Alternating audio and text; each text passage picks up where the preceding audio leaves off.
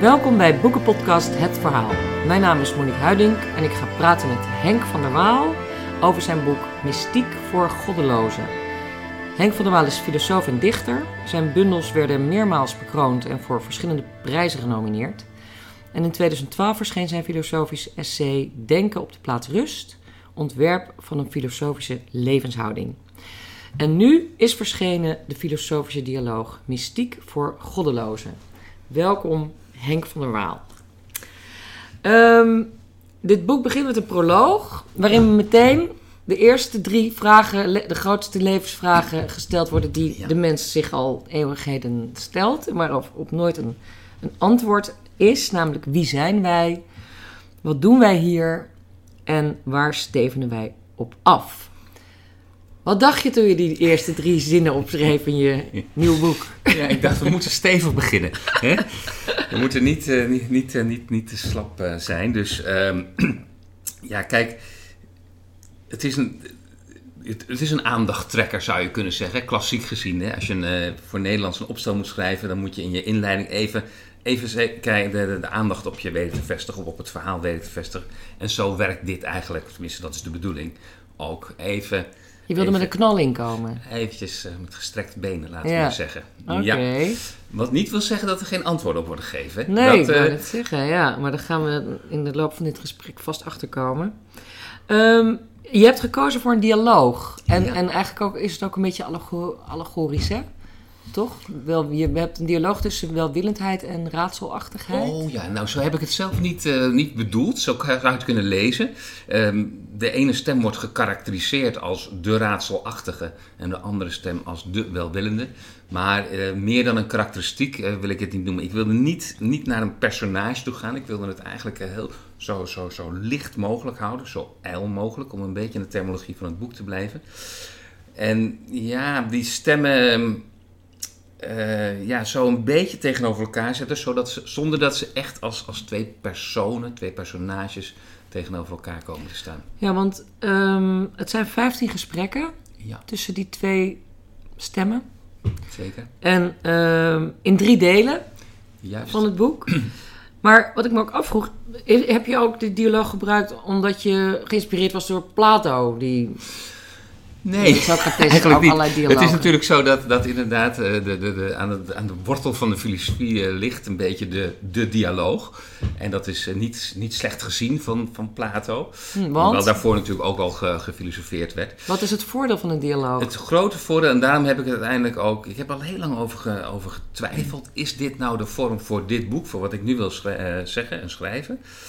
Um, het leuke is natuurlijk dat denken zelf vaak uh, dialogisch is. Ook als je met jezelf denkt. Hè. Je probeert voor- en tegens uh, tegen elkaar af te wegen. En de ene keer sta je aan die kant van, van, de, van de streep en de volgende keer aan die kant. En zo probeer je het zelf ook, als je met jezelf alleen bent, laat ik maar zeggen, de tot iets te komen. Di innerlijke dialoog? De innerlijke dialoog. Maar ook het denken zelf. Hè. Het, het, is niet een, uh, dat had ik eigenlijk denk op de plaats rust, is meer stellenderwijs geschreven. Van, zo zit het. Mm -hmm. Maar ja, um, het is natuurlijk een tastend proces eigenlijk. Hè? Hoe zou het kunnen zijn? En uh, dat heb ik met die dialoog proberen te benadrukken.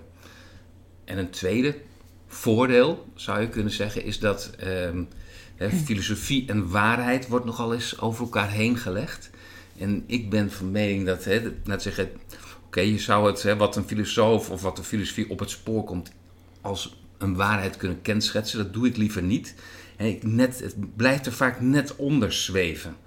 En een dialoog, in dit geval, heeft ook een, een licht fictioneel karakter. Het doet als het ware een voorstel over hoe het in elkaar zou kunnen zitten. Ja. Dan ben ik heel voorzichtig. Ik ben vaak wat uitgesprokener natuurlijk. Maar dat is wel de ondergrond als het ware. Want zij uh, kibbelen ook een beetje, die twee. Ja, ze kibbelen een beetje. Kibbelen? Ja, ze kibbelen een beetje.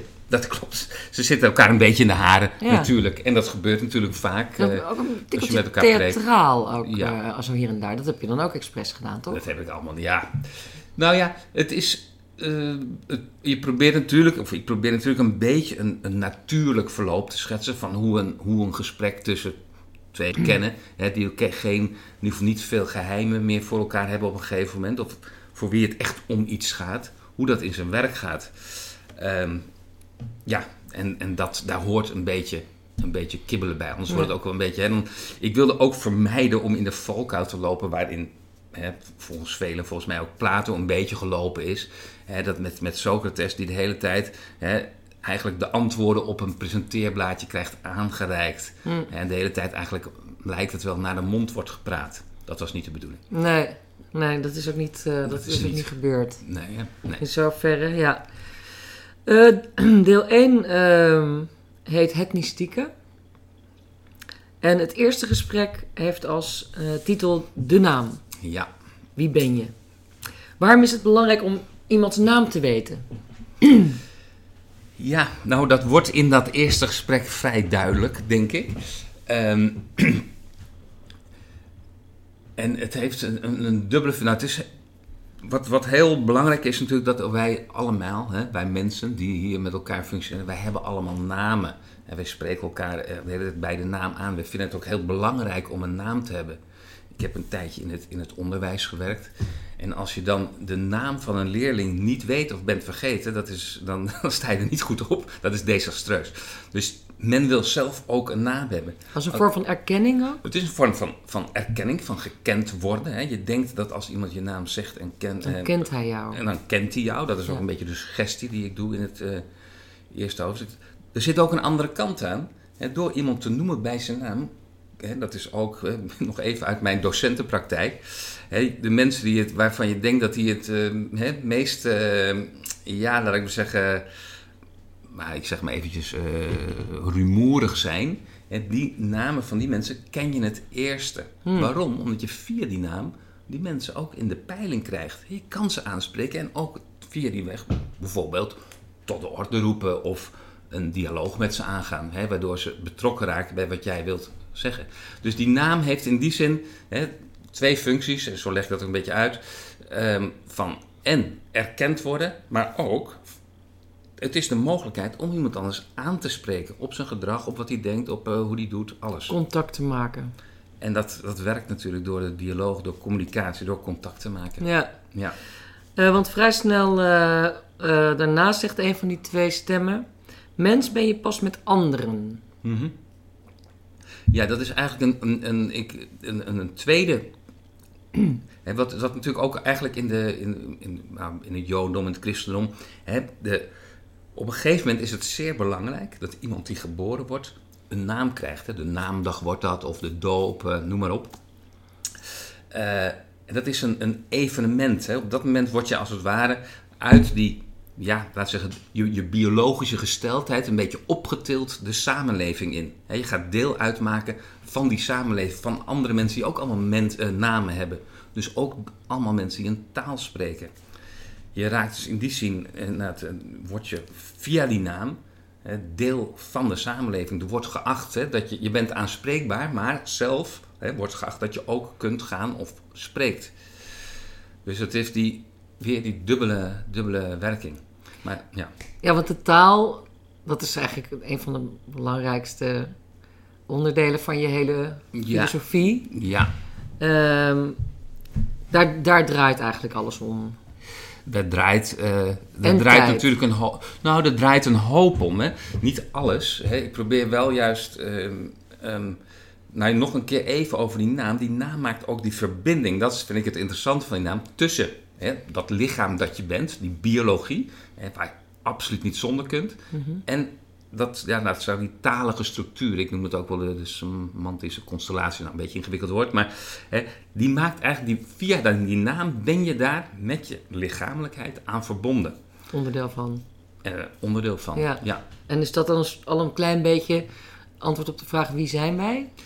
Daar zit zeker een, een, een, absoluut een begin in. Wij zijn iemand met een naam. Wij zijn iemand, wij zijn naamdragers, zou je kunnen zeggen. Ja, en nou ja, dat is een hele goeie, want inderdaad, zonder die naam, ja, we weten het allemaal, hè, voel je een, ja, toch een stuk anoniemer, voel je, inderdaad, wat we net zeggen, niet gekend en eigenlijk in onze samenleving miskend en ook, ja, misschien wel alsof je, net alsof je niet bestaat. Hmm.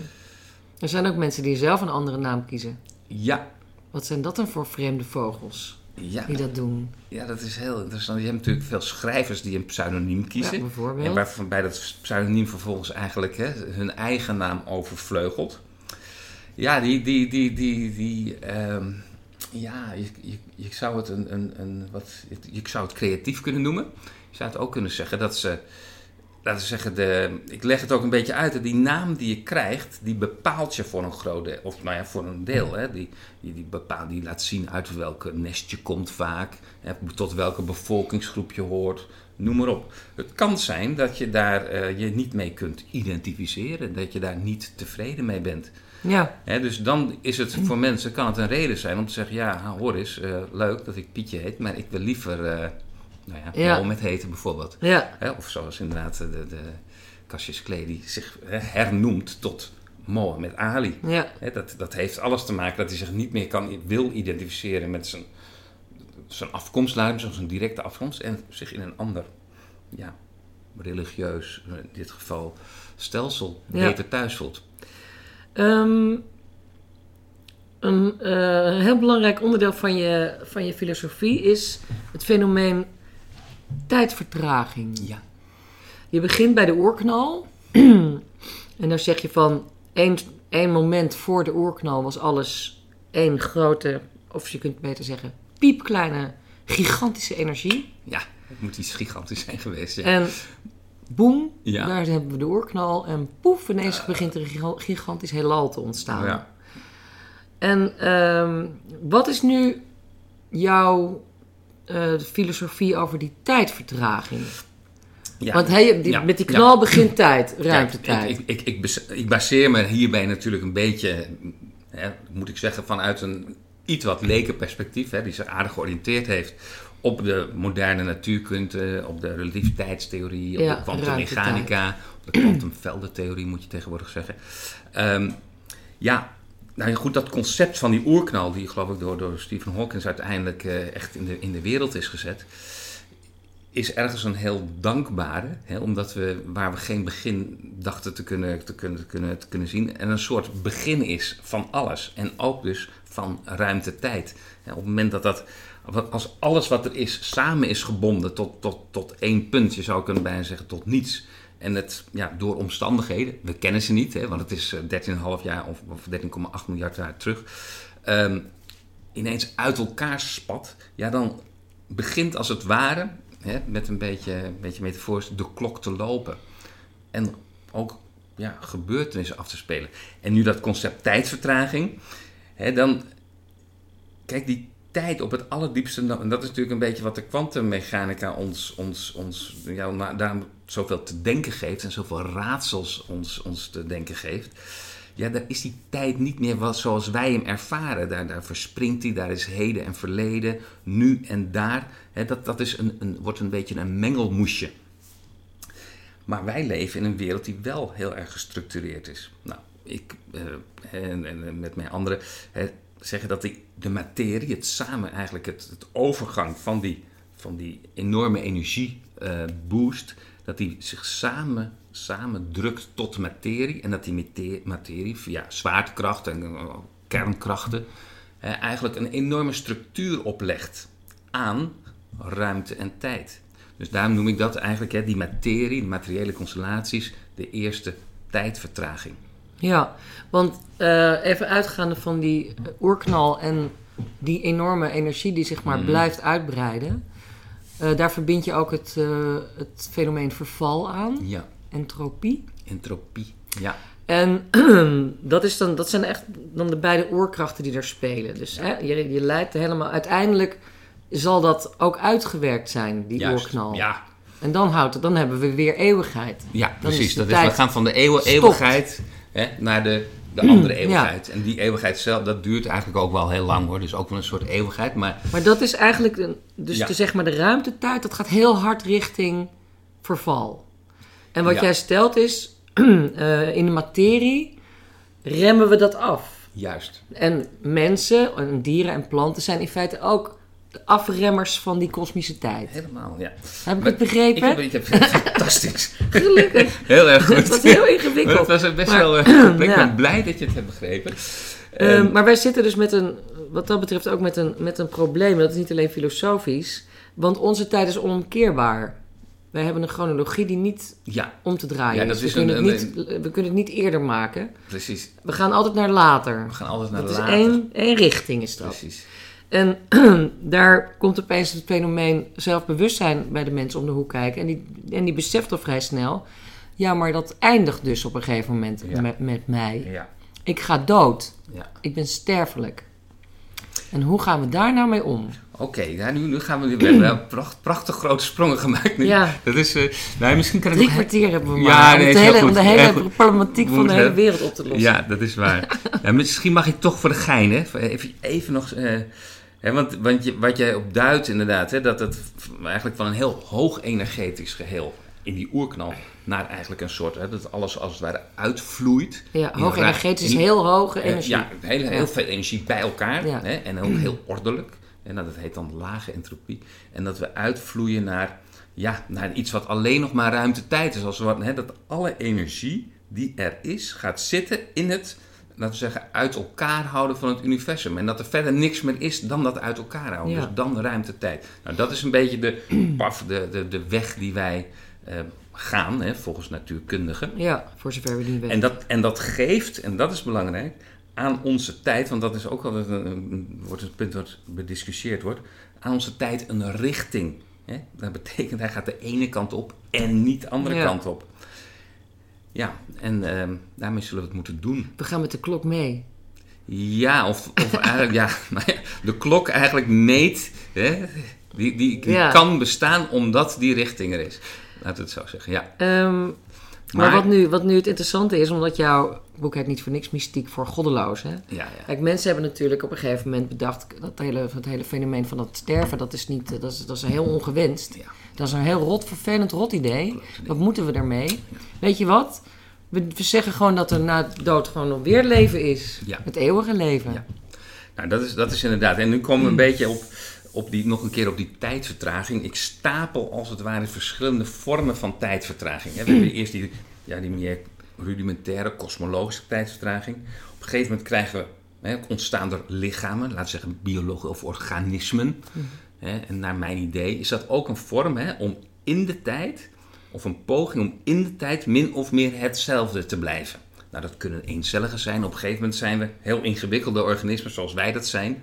En wij kunnen dat vrij goed. Hè? Een poosje, niet zo lang, maar kunnen we in de tijd, als het ware, die tijd zodanig vertragen of consolideren. Hè? De omstandigheden zo goed inrichten dat we een poosje kunnen leven. En dat noem jij tijd bloeien in je boek. Ja, dat, dat zijn van de tijd, nu wordt het een beetje leuk. Het zijn van de tijd noem ik tijd bloeien. Waarom?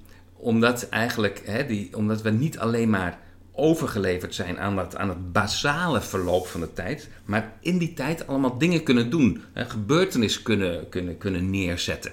Hè, dus we, we kunnen die tijd als het ware ja, intensiever verdichten, zeg ik ook wel, maken, zodat het, ja, nou ja, dat noem ik dan tijdbloeien, dat intensiveren, verdichten van die tijd. En die sterfelijkheid, dat is natuurlijk inderdaad een, een fenomeen waar we, ja, waar, waar we mee te worstelen hebben. eh, onder andere geboortelijkheid, ik probeer die geboortelijkheid er ook een beetje bij te betrekken. Dat is iets wat, wat ons begin markeert, maar waarvoor natuurlijk net zo goed een soort niets, een soort mysterie schuil gaat. Net zoals dat gebeurt na, ehm, na onze dood. Ehm, en we hebben allemaal op een gegeven moment, hè, toen we meer die taal gingen beheersen, hebben we weer een soort, ja, ik noem dat semantische tijdsvertraging. Dus tijdsvertraging door bijvoorbeeld het scheppen van verhalen, van heilige verhalen, hebben we methodieken eh, ja, eh, ontworpen, eigenlijk culturele entiteiten neergezet, die het ons, ja, voor ons gevoel mogelijk maken om niet alleen onze eigen tijd te beheersen, maar ook nog de tijd na ons. Nou ja, goed. En dan krijg je Ja, zoiets het als het, het eeuwige leven, het, leven, ja. eh, de schepping. Ja. Hè, allemaal dat soort dingen. Dat, dat noem ik dan tijdoverkoepeling. Ja, En dat, dat is natuurlijk enorm succesvol geweest, bij de, met name bij de wereldreligies. ja. Kun je wel zeggen. Ja, we Ehm, zitten er nog steeds mee. Even terug nog naar, eh, want dat is ook een mooi sleutelmoment, noem je dat, van de prehistorische mens. Mhm, mhm. Dat op een gegeven moment gaat, eh, gaat de prehistorische mens rechtop lopen Ja, en krijgt, ehm, er gebeurt dan iets met het strottenhoofd, Ja, waardoor er klanklinten kunnen worden gemaakt en men met elkaar kan communiceren. ja, En dat zijn nog niet echt woorden, maar Ja. wel een opeenvolging van klanken. ja. Dat heb ik een beetje ge- geleend van een, van een ehm, paleo-antropoloog, Steven eh, Mitten. En die, eh, die zegt van, eigenlijk, die, die, die, die schrijft dat toe met name aan de Neandertalers. En dat die een hele, ja, laten we zeggen, communicatie hebben die ongeveer 200.000 jaar eigenlijk een enorm consoliderend weer heeft gewerkt. Waarbij eh, eh, gebaren, eh, muziek en bedoeling, laat ik maar zeggen, betekenis één geheel vormden. Dus laat me zeggen, taal en muziek waren in dat stadium, volgens hem, nog niet van elkaar onderscheiden. Waardoor er iets gezegd, er kon worden gecommuniceerd, maar het was niet heel rijk. Het was een beetje een soort, ja, wat ik zeg, een beetje platte communicatie. Het kon zich ook daardoor niet heel erg ontwikkelen. Maar het En- was wel het begin van taal. En het was wel het begin van taal. En dat, dat krijgt een enorme boost, hè, zo'n sleutelmoment, eh, waardoor de wereld er ineens, ineens eh, anders uitziet. Tegenwoordig zouden we zeggen een soort paradigmawisseling. Ja, En op het moment dat die mens in plaats van zo'n zo'n zo'n voorgeschreven klanklid, ge- eh, vergelijken met een klanklint. klanklint, Ja. ver, met een uitdrukking, een staande uitdrukking, in stukjes kan knippen. En die betekeniselementen eigenlijk die dan loskomen, weer opnieuw kan rangschikken. Ja, en dan opeens iets, iets anders kan zeggen. Ja, duidelijk maken. Precies. Wij kunnen, Betekenis. precies. Toevoegen. Exact. De wereld Ja. opent zich als het ware op een, net, op, een, op een nieuw niveau. En kan dus ook beter geanalyseerd worden, beter in de, grip worden, eh, in de greep worden gekregen. En, wat we net zeggen, er kunnen verhalen worden verteld. Dus er kan daardoor, met een verhaal, kun je ook meer verleden vasthouden. En ook meer toekomst eigenlijk eh, inrichten. En dat is natuurlijk de, de, de enorme succes van, nou, nogmaals, van, van een religie bijvoorbeeld. Ja. Dat, dat richt, dat, dat vertelt ons onze afkomst, hè, om bij het begin eh, terug te komen. Genesis. Waar komen we vandaan? Hè? Adam en Eva. Dat wordt gewoon, eh, en goed, je moet er een beetje in geloven, maar dat heb je dan toch mooi mee. En er wordt een toekomst geschetst. En een hele fijne, want leven na de dood. Zo is het. Want die hele dood maakt niet, niks meer uit. Ja. Want dat Ja. wordt- is niet alleen leven na de dood, het is ook nog het paradijs. Precies. Precies. En het is een troost voor het bestaan hier. Heel stukken Ja. beter dan eh, wat we hier allemaal meemaken. Ja, en toch heb jij eh, geconstateerd dat mensen daar afstand van hebben genomen. Van die heilige verhalen. Je zegt in, in het boek, die heilige verhalen, die, daar staat de tijd eigenlijk stil. Ja. Bijna zo goed als. Ja, het Een probleem... stilstaande tijd. Een stilstaande tijd, een, een overkoepelde tijd, hè, die, die, die, die geacht wordt altijd ook. Hè, dat leven moet zich maar zo blijven voltrekken. Ehm, kijk, en op een gegeven moment, ja, dat is, hè, bij, bij- het onderzoek gaat verder, laten we zeggen, van de mens. Hè, die staat natuurlijk, terwijl die ergens in gelooft, ook niet stil. De technieken verbeteren, er komen invloeden van buitenaf. En op een gegeven moment zie je dat, ja, dat, laten we zeggen, dat, dat, dat heilige verhaal, dat valt of staat met het geloof erin. Hè, met die, met die, ja, die, die, die werkelijkheid die als het ware boven hen zweeft. Hè, die transcendentale werkelijkheid. Ehm, en dat vindt men niet meer genoeg. Men wil datgene wat men projecteert op een leven na de dood, hè, wil men hier en nu realiseren. Dus laat zeggen, die geprojecteerde tijdvertraging, die wil men, of wil de mens, ja, in zijn eigen leven, hier en nu, eh, realiseren. Die heeft geen zin meer om te wachten op het paradijs. Nee, op, op een paradijs gegeven moment begrijpt u wel dat het, een, dat het een lege huls is Dat het natuurlijk. het niet bestaat. Ja, dat het, eh, maar zeer dubieus. Je kan beter nu maar een beetje het aangenaam hebben en dan kijken wat erna gebeurt. Ja, er was natuurlijk ook nog een kans dat je in de hel kwam, eh, komt. Ja, het was, nee goed natuurlijk, het was een Het is enorme... niet alleen maar leuk, hè? Het kan ook nog helemaal verkeerd aflopen.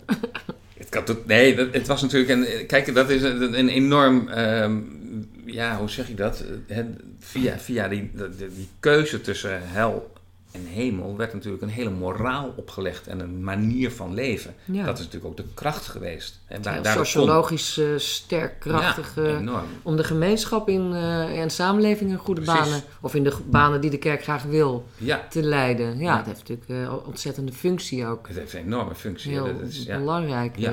ja, die, dat zijn in feite de eerste wetten. Ja, dat zijn natuurlijk de, de eerste wetten. En- Inclusief eh, doodstraf en alles. Ja, Ja. everything. Ja, nare dingen. Alleen, er zit dus een, een hè, dat hebben wij inmiddels ontdekt, een groot probleem aan. Hè, dat je, je, je, je, je poneert als het ware de hoogste waarheid, dat is God. Hè, en een paar mensen, de priesters, eh, die geloven erin. En als daar, hè, de mensen die, die volgen dat en vervolgens kunnen ze op grond van die hoogste waarheid de moraal implementeren in een maatschappij. En wij hebben, tenminste in onze moderne samenleving, westerse samenleving, geleerd dat het verstandig is om die waarheid eigenlijk los te koppelen hè, die, die, die, van de moraal. Een scheiding van kerk en staat is dat natuurlijk Eigenlijk gewoon scheiding Ja. van kerk en staat. Ja. En, en dat, eh, Ehm, maar eh, toch vind ik het interessant dat op een gegeven moment constateer je, is er, een, eh, is er eigenlijk een, een, een overgang naar dat de mens zich niet zozeer maar op het, op het buiten zich gestelde ja, goddelijke richt, maar op zichzelf Ja. gaat richten. En daar Ja. is ook het begin van het humanisme, juist. denk ik. Ja.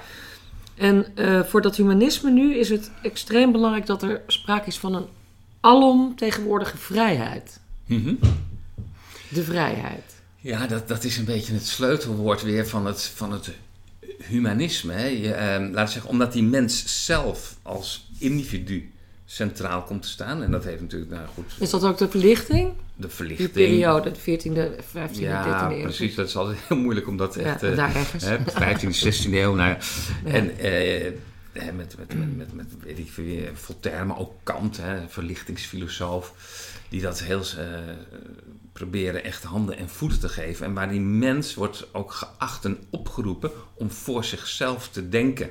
En dus uiteindelijk ook voor zichzelf te zijn. Ja, En dan wordt dus de regelgeving of de moraal die van buiten komt, die wordt niet meer geaccepteerd.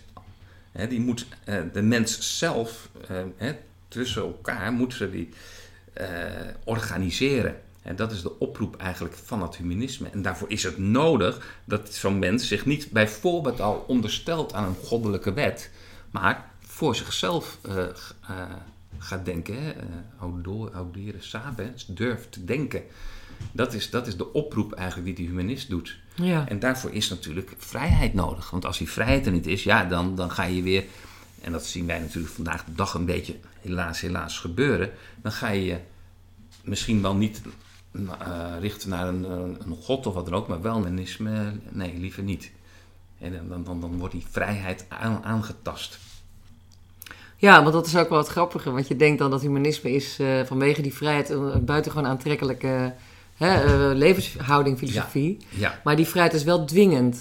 ja dat laat Moet ik een beetje zien hoe dat mechanisme Ja. werkt. Hè? Hoe, hoe eigenlijk iemand eh, die vrij is ook vindt dat een ander vrij moet zijn. Omdat hij anders zijn eigen vrijheid bedreigd ziet. Precies, anders dan, dan, dan wordt hij, als, als, als, als jij of iemand anders niet vrij is en zomaar doet wat ik zeg, ja, dan denk, hè, dan denk ik, hé, hey, dan, ben ik, eh, dan word ik met, terugwerkende kracht een, een, een baas of een uitbuiter of wat dan ook. Ja. En in een gemeenschap van vrije mensen geeft dat geen pas. Nee. En dat, ik, ik denk dat wij wel, wat dat betreft, hey, in de, we hebben natuurlijk nu te maken met een andere godsdienst die, eh, die in het Westen een beetje populair aan het worden is, de islam. Ja, En dat, dat- dat- ik denk wel dat, of wat denk jij, dat, die zijn toch niet helemaal nog in die, in die fase van, eh, van humanisme terechtgekomen volgens mij. En die zie je ook in onze maatschappij in deze Ja. tijd ook botsen. dat zie je botsen. Ja, dat is natuurlijk, eh, ja, wat je, wat je eigenlijk, ik, ik, ik probeer het een beetje te analyseren. Je hebt op het moment dat die semantische constellatie, ik zeg het nog één keer, dat moeilijke woord, hè, als die ehm, Dat is een hele verzameling van, be- een van verzameling betekenissen. van betekenissen die Ja. samenhang vertonen. Bijvoorbeeld een religie. Ja. maar dat kan ook zoiets als een natie zijn. De nazistaat, hè, die, die komt ook steeds meer op de agenda te staan heden te dagen. Ja. En ehm, Zoals van ik ben een Nederlander. En Ik dat definieert mij en dat geeft mij ook een heleboel betekenissen Ja. die een andere Nederlander meteen begrijpt en een Duitser ook. En een Duitser ook, dat En jij wel. Nederlander bent. Ja. Hè? Maar daardoor kan ik wel, en dat heeft natuurlijk, eh, goed, de, de, de, de wereldoorlogen hebben daar een beetje een naar, naar daglicht over geworpen. Dat betekent ook dat die, dat, die, dat die stelsels, of dat de mensen die zich daarmee verbinden, met elkaar in gevecht kunnen gaan. Hè? Dat, dat leidt tot oorlogen. Ja. En wat we nu zien, is, hè, denk ik, is dat aan de ene kant hebben we die, hè, dat, dat, dat, die nazistaat, die komt, hè, dat, dat nationalisme, dat, dat doet weer enig Ja, eh, hè, de- die landen willen allemaal weer de, de, uit de Europese Unie Ja. en dat soort dingetjes Ja. bedoel je, denk ik. Aan, precies, nee, exact, de brexit, nou, noem maar op. Aan de andere kant, hè, de, de oude religieuze stelsels doen van zich spreken, met name de islam, hè, in, in onze samenleving tenminste. En ten derde hebben we de, het humanisme. hè, een set van algemene waarden zonder overkoepelend eh, verhaal, hebben we omarmd. Ja. En die drie zijn op het ogenblik met elkaar aan het concurreren. Die Ja. zitten in de, met elkaar in de clash. En dat, eh, dat, is, dat is niet zo Want het prettig. humanisme vinden we vooral bijvoorbeeld terug in de universele verklaring van de rechten van Ja. de mens. Dat soort Ja, dingen. Hè? de Dus meer progressief-liberale eh, levensopvattingen omarmen dat humanisme. gelijkheid tussen, tussen Tussen- de seksen, tussen Ja. mensen met verschillende geaardheid, Exact. huidskleur, religie. Precies. Al dat soort dingen, die zijn, Die dat zijn, humanistische ja, waarden. humanistische waarden. Ja, Ja, ja. En die, en die vinden hè, wij ook vaak dat die eh, nou ja, verdedigd moeten worden. Ja. En soms, en dat is weer het, de, de, de wat negatievere kant van het humanisme, wat we net zeiden, dat ze geëxporteerd moeten worden. Hè, een land dat, waar wij van, bijvoorbeeld neem Noord-Korea Korea op het ogenblik, en waarvan wij vinden dat het niet vrij is, ja, dat moet wel eh, de Ja. bijl aan de wortel gelegd worden. er zit, er Dat zit is- toch iets van, van, van eh, evangelisering, hoe heet dat ook alweer? Ja, van zendingsdrang. Zenden, ja precies, Ja, dat, was, dat woord zocht ik het. ja. toch wel vinden dat eigenlijk, het is toch het beste. Het beste geloof eigenlijk, het humanisme. Ja, precies. Het, Ja. daarom. En dat is precies. Hè, en daarom wordt het ook hè, in, in, de, in de kritische, kritische bewegingen, wordt dat humanisme, hè, als het ware, ja, hoe zeg je het, ontmaskerd als iets wat eigenlijk hoort bij de witte westerse man. Ja. Hè, om die eigenlijk het grootste voordeel heeft gehad van dat subjectieve, eh, van, dat, van dat humanisme. Hè. Die kon een, een, een vrij, zelfstandig, autonoom individu of subject zijn. Ja, En zo lekker eh, zijn had hij macht, lekker zijn eh, vrouwtje erbij Ja, en zijn slaven. precies. En dat ging hartstikke lekker, Ja, dat ging ja, prima. ja, ja. Die voelde zich helemaal zijn Die, naam. vond het, die was helemaal net. Vrijheid voor alles, maar... Ah, vooral voor mij, ja. ja, ja. En de mijnen. Ehm, maar nu gaan we eventjes eh, terug naar het individu. Want Ja, we zitten nu heel erg maatschappelijk Ja, eh, te ja, praten. we goed. hebben op zich ook wel weer best veel tijd eh, achter de rug. Ehm, want op een gegeven moment gaat, gaat het naar de mystieke, de mystieke ervaring. Gaat de dialoog naartoe. ja. Eigenlijk is er de hele tijd in het hele boek een, een, een, een sterke richting, of hoe heet een sterke kracht die richting de mystieke ervaring wil gaan. Hm. ja. Hè, want eigenlijk wil je bewijzen dat je ook zonder God een, Nee, een, een helemaal, mystiek. eh, maar wat, Precies. wat is dat, een mystieke ervaring? ja dat, daar, daar lopen de meningen ook daar natuurlijk over uiteen. Het is in ieder geval een heel persoonlijke ervaring. Het is, een, het, is een, het is een hele persoonlijke ervaring. Kijk, er zijn sommige mensen eh, die, die, die definiëren die mystieke ervaring als een soort. ehm, ja, eh, iets wat iemand overkomt. Hè, een groot licht, weet ik veel. Wat één, één keer in, in, in, een, lifetime gebeurt. En dat dan ook de rest van het leven eigenlijk kleur geeft of richting geeft. ja, een verandering. Ja, je Enorme kan het een beetje mee wat wel vroeger, dat was een paar jaar, hè, de bijna doodervaring die op een gegeven moment toen heel erg uitgemeten werd. Zoiets, weet je wel. Of een gevoel van enorme vereniging met alles, nou, noem maar. Ehm, Een euforisch een euforisch, euforie. ja, het is wel, Wordt wel, zo wordt het wel eh Ja. ervaren. Iets prettigs eigenlijk. Ja, ik zelf, ehm, laat zeggen, wil pro- of probeer in dit boek hè, die mystiek of, of, of het zijn van het mystieke, zeg ik ook wel, en niet te laten voorbehouden aan zo'n min of meer toevallige ehm, ervaring die je overkomt. Hè, mijn inzet is eigenlijk om te laten zien dat in zoverre wij, mensen, organismen zijn die ervaren, hè, dat de diepte van die ervaring, en of laat zeggen de ervaring in zijn, ja, zeg maar eventjes, eh, zijn, zijn, zijn, zijn, zijn, zijn grootste rijkwijde leeg is en daarmee een gevoel geeft van ingebed zijn in alles, eh, in, in de verschillende dimensies waarin wij eh, opereren. En dat leeg zijn is heel belangrijk. Dat leeg zijn is, laten we zeggen, is het moment dat je dat, het mystieke karakter, omdat het daar krijgt hè, je ervaring iets ondergrondelijks. Daarvoor is hij als het ware hè, in allerlei eh, blijdschap, eh, waarneming geactualiseerd. Maar als je daar helemaal onder gaat zitten, ja, dan, dan krijg je als het ware de ervaring zelf, of de, ja, de uitgestrektheid van die ervaring in beeld. Is dat er bijvoorbeeld... ehm, ik ben één keer was ik op eh, wintersport, al heel lang geleden. En toen was ik even op een hoekje omgeskiet. En er was niemand en dan was het doodstil. Ja, Totale echte stilte. Heb ik nog nooit gehoord. ja, Geweldig. fantastisch hè? Ik, Ja, hoorde alleen maar, ik hoorde mijn eigen bloed. ja. door mijn oor. Ja, dan, dan hoor je je eigen organisme Ja. eigenlijk, hoor je boem, boem. Ja, Fantastisch is ja. dat. Maar is dat wat je bedoelt? Want Nou, dat is dat dan ik- natuurervaring. Ja, dat, dat, dat, hè, die- kijk, het, vertaalt zich natuurlijk heel snel. Hè, het is Ja, je probeert Hè? Precies. een en voorbeeld dat, zo, zo, zo, is Ja, het. En dat zo zijn mensen niet. nou eenmaal. Zo is het niet. Uh, geeft helemaal niks. Maar laat zeggen, daar kom je inderdaad, naar mijn idee, wel in de buurt. Je weet, ik heb één hoofdstukje, dat heet de, de singuliere plek, of singuliere plekken. En eh, nou, zo, wat jij zegt, hè, zo eventjes ineens los zijn van alles. Ook een beetje uit je sociale omgeving. Hè? Dus ook een, Ik stond er ook echt alleen. ja, een bijna Ja. gevoel van, van eenzaamheid, maar toch, ja, die, die, die, nou, de uit, wat, wat merk je? Je hebt, je hebt dat sneeuw, hè? Je hebt een enorme uitgestrektheid. Ja, universum, laat ik maar zeggen, Ja. blauwe lucht en alles wat erachter zit. Ineens, ja, Ja. Sta je dat daar. ervaarbaar of zo in zijn... In Heerlijk, zijn ja. eh, Maar die singuliere plekken, dan moet je even uitleggen. Dat, dat zijn... eh, ja, wat zijn het? Kun je het zelf even uitleggen? Ja, ja eh, ik, ik, ik probeer ook wat, wat, wat, wat synoniemen daarvoor te geven. Ik zeg ook wel, ik geloof hoog energetische uitgestrektheid.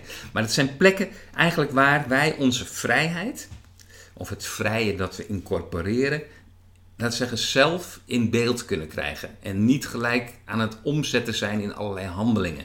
Dus plekken eigenlijk waarin je even tot jezelf kunt komen, kunt inkeren. Maar ook eventjes tijd hebt om eh, met alles te zijn.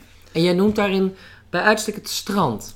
Ja, dat komt eigenlijk, dat is, dat is, een, dat is het Bij enige, moment waarop een soort echt een, een, een, een- mijn, mijn persoonlijke ervaring als het ware erin is geslopen. Maar eh, dit is het strand, eh, en hier in dit geval eigenlijk bij, bij eh, Wijk aan Zee, bij de hoogovens. Oh. Hè, En het mooie is dat je dan, je ziet eigenlijk alle, alle, eh, ja, alle energieomzetters hè, die ons leven mogelijk maakt, zie je daar draaien. En tegelijkertijd zie je een beetje die basiskosmos in actie. Het strand, hè, het zand, de zee, eh, de wind.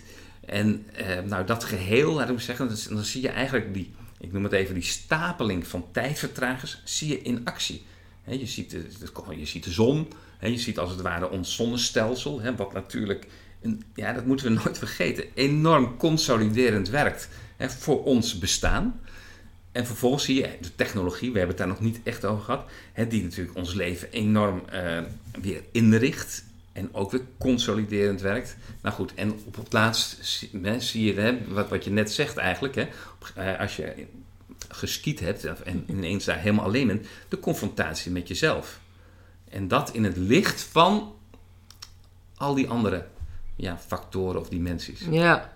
En wat ervaar je dan? Is dat de mystieke ervaring? Ja, ja, goed. Ik, ik, ik zou dat willen kenschetsen als een, als een ja, hè, voor, voor wat dat waard is. Of je dat nou, hè, omdat sommige mensen heel erg hechten aan, aan dat wat ik net eh, zei. Maar ik zou dat zeggen, dan, dan, dan heb je een, ja, een, een zekere mystieke ervaring. Ja.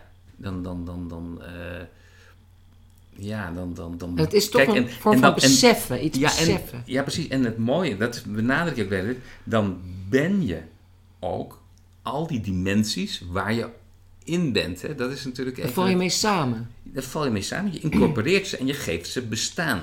Ja. En dat, en dat is een beetje mijn kleine, kleine strijd tegen de meer, meer, hoewel ik daar veel respect voor heb, de boeddhistisch getinte weg naar de mystiek. Hè, die altijd uit is op het oplossen van onze subjectiviteit en ons ego. Hè, wat voor een deel natuurlijk ook best wel op zijn plaats is, omdat het ego nogal eens de overhand neemt. Maar het, ik vind het heel belangrijk hè, dat je, je, ik noem dat actualiseren. Hè. Je moet die, dat lichaam, die tijd, die ruimte, moet je actualiseren.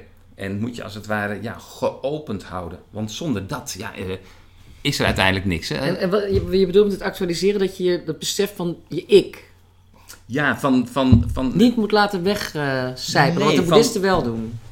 Wat de boeddhisten een beetje Ja. doen. waardoor- en elkaar- omdat het zo belangrijk is om hier en nu te zijn. Want dat hier en nu zijn, eigenlijk dat punt markeren in tijd en ruimte en taal natuurlijk.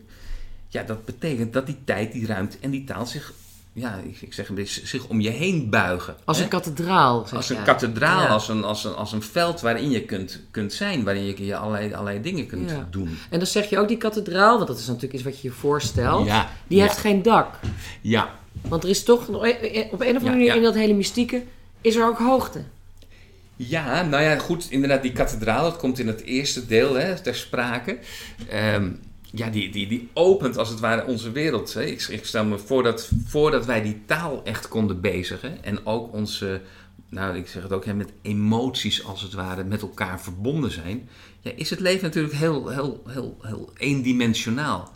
En op het moment die taal een rol gaat spelen en de logica en noem maar wat op, hè, dus verhalen, ja, dan, dan opent die wereld zich. Ja. Het gevaar is alleen, hè, dat, dat noem ik ook wel de, de laatste betekenaar, hè, dat je op het dat je dat wil sluiten, die kathedraal. Dat je als het ware, en dan, voorkom, nou ja, dan laat je de, de, de, de plek, ook wel de plek van de macht, laat ik maar zeggen, laat je niet leeg. Dus dan, ja, dan maak je je eigen vrijheid, die je door die kathedraal hebt gekregen, die sluit je weer. En dat is in feite wat, wat er met de God gebeurde. Dat, dat is De, uiteindelijk... die hè, dat- betekenaar, noem je dat ja, dan? ja, En zodra je die Ja. elimineert, dan kun je eigenlijk zelf God worden. Of zijn. precies. Dan, dan heb je goddeloos. Hè, op het moment dat je goddeloos bent, Ja. logischerwijs kun je zelf heel even, heel, heel, heel momentaan, hè, in zo'n wellicht mystieke ervaring, Ja. of zo'n één worden met alles, even, even die, die, eh, Die goddelijke vonk voelen. de goddelijke vonk voelen. Maar dat is zijn. heel erg paradoxaal. Ja. Dat is echt een keiharde paradox. Dan goddeloos te zijn, kun je het goddelijke voelen. Ja, of kun je, kun je eventjes, hè, dan, maar goed, kun, kun je eventjes hè, in die zin God zijn dat je, ja, dat je dus alles even, ehm, ja, met alles verbonden bent en even in jezelf aanwezig houdt. Ja, want het gaat om puur om die ervaring, hè? die eigen ervaring. Dat zelf nu zijn en, dat, en openstaan voor alles. De, eh, besef hebben van je, van je eigen enorme historie, Ja, geschiedenis, alleen nog genetisch. ja. En eh, ook een besef hebben van eh, nou ja, wat je inderdaad meemaakt. Je zegt ook je moet ontvankelijk zijn en tegelijkertijd overkoepelend. Ja, precies. Ik zeg eigenlijk twee dingen. Hè. Dat- Dat, is het ook weer, het, het, laat zeggen, de, de opdracht zou je kunnen kleine van het, van het mens zijn. Dat je aan de ene kant moet je natuurlijk dat, dat lichaam en die, die lichamelijkheid en de geschiedenis en hè, alles eh, wat je maar wilt, die jou gegeven is, die moet je in zekere zin controleren. Hè. Je, je kan niet alle kanten uitschieten, want dan, dan ben je ook niemand meer.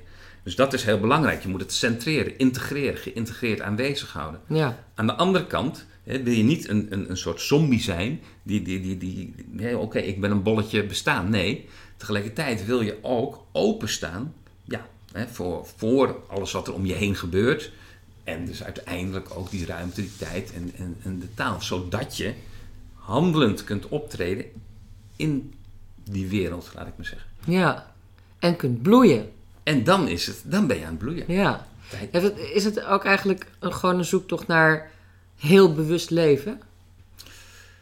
En niet maar een beetje voor de vaak eh, een beetje erop los eh, de Ja. tijd ver- verdoen. Het is, het is, het is, het is eh, ja, het is, ik vind het prima. Het is, het is heel bewust leven. Ja, ja, bewustzijn heeft altijd een kleine, het is heel erg aanwezig zijn. In ieder geval die aanwezigheid niet uit de weg gaan. Nee. Hè, dat is ook iets, ik, het laatste hoofdstuk gaat er een beetje over. Je bent vaak aan het strijden met dingen die, die je in de weg zitten. En die ben je voor op de vlucht. Hè, dus wordt het een klein beetje psychologisch. Maar het gaat mij erom dat je dat, dat al die dingen waar je eigenlijk ongemerkt bijna voor op de vlucht bent, wel onder ogen ziet. En, en dat als een, als een kracht eigenlijk eh, Ja. voelt of, of omzet in een... Hè, wat ik vroeger altijd deed als ik op de fiets zat en het waaide heel erg, dan stelde ik me voor dat de tegenwind het windje mee was. En dat hielp altijd enorm. Oh ja? Oh, wat Ja, goed. ja. Dat je jezelf voor de gek en dan maak je het meteen een stuk makkelijker mee. Precies. Nou ja, goed. dit- dit- kijk, dat, dat zeg ik ook natuurlijk een beetje met die, met die sterfelijkheid. Of een beetje, dat is vrij, vrij helder. Dat is natuurlijk één kant datgene wat onze grote tegenstander is. Maar haal je hem weg, ja, dan je haal je motor ware de motor van je bestaan weg. Ja. Dus je moet van die vijand een beetje je vriend zien te maken. Ja, dat is inderdaad het laatste hoofdstuk dat als titels heeft Liefdesgemoed. Ja. En dat is ook tevens mijn laatste vraag, want Mhm. we zijn alweer bijna 45 minuten aan het praten. Zo snel gaat, het, gaat de tijd. we tijd hebben de tijd niet weten te vertragen, maar dit wordt wel opgenomen. En daarom is het toch een tijdsvertraging. Nee, dat is, nee, maar dat is interessant wat je zegt. Op twee manieren hebben we, en dat is natuurlijk de moderne techniek die het ons mogelijk maakt om dit, hè, wat wij hier en nu doen, nogmaals te herhalen op een ander tijdstip. Ja, en dan is het een exacte kopie. En dan is het een exacte kopie. Ja. Dat is natuurlijk heel, heel interessant. Maar tegelijkertijd hebben we natuurlijk in de tijd, hè, in dat, in dat, in dat, dat, dat, dat, dat, stugge verloop van de tijd, hoop ik tenminste, hè, iets neergezet. Hè, wat, wat als het ware een, een gebeurtenis is, wat die tijd heeft geïntensiveerd. Een idee. We Ja. hebben het over ideeën gehad. Precies. Ja, Ja. zeker. Ehm, dat laatste, nog echt, echt even Ja, heel ja. kort. Liefdesgemoed. Uiteindelijk ehm, kom je ook uit met dat je eigen, het, het- in het allerdiepste van het diepste geval je een geliefde wilt zijn. Ja, De mens. Ja. Wil geliefde zijn. ja, precies. Niet Dus het is Al- toch, God is liefde. Nou ja, ehm, nou ja, goed. Laat, laat ik het Ja, als we, als we aansluiten bij wat we eerder zeiden, als het lukt, hè, want het is natuurlijk ook dit, het gaat allemaal niet vanzelf. Als het lukt om, ehm, nou ja, je, je, ik, ik noem het ook wel de oergift, of, dat, of het, eh, hè, als het lukt om, om dat niet als je tegenstander te zien, maar als je medestander, en dat ook weet te actualiseren weer, hè, dat, dat handen en voeten te geven in je eigen bestaan, ja, dan heb je kans dat, eh, dat je niet alleen hè, wordt lief gehad, maar zelf ook lief hebt. Hè, dat het, ik zeg ook dat het dan Overstroomt. Overstroomt, Ja. ja. toch Wat een heel mooi beeld is wat een mooi beeld is. Ja. Oké, dankjewel voor dit gesprek. Graag gedaan. Ik sprak met Henk van der Waal over zijn boek Mystiek voor Goddelozen. Deze boek- boekenpodcast wordt gemaakt zonder sponsorgeld of subsidie, maar u kunt dit project steunen met een donatie. Eh, op de overzichtspagina van SoundCloud staat in de rechterkolom een link met de tekst Steun deze podcast. Als je daarop klikt, kom je op de donatiepagina op reportersonline.nl. Eh, daar kunt u ook direct naartoe via www.reportersonline.nl slash forward support. En daar klikken op steun boekenpodcast het verhaal. Alle beetjes helpen en alvast heel hartelijk dank voor uw bijdrage.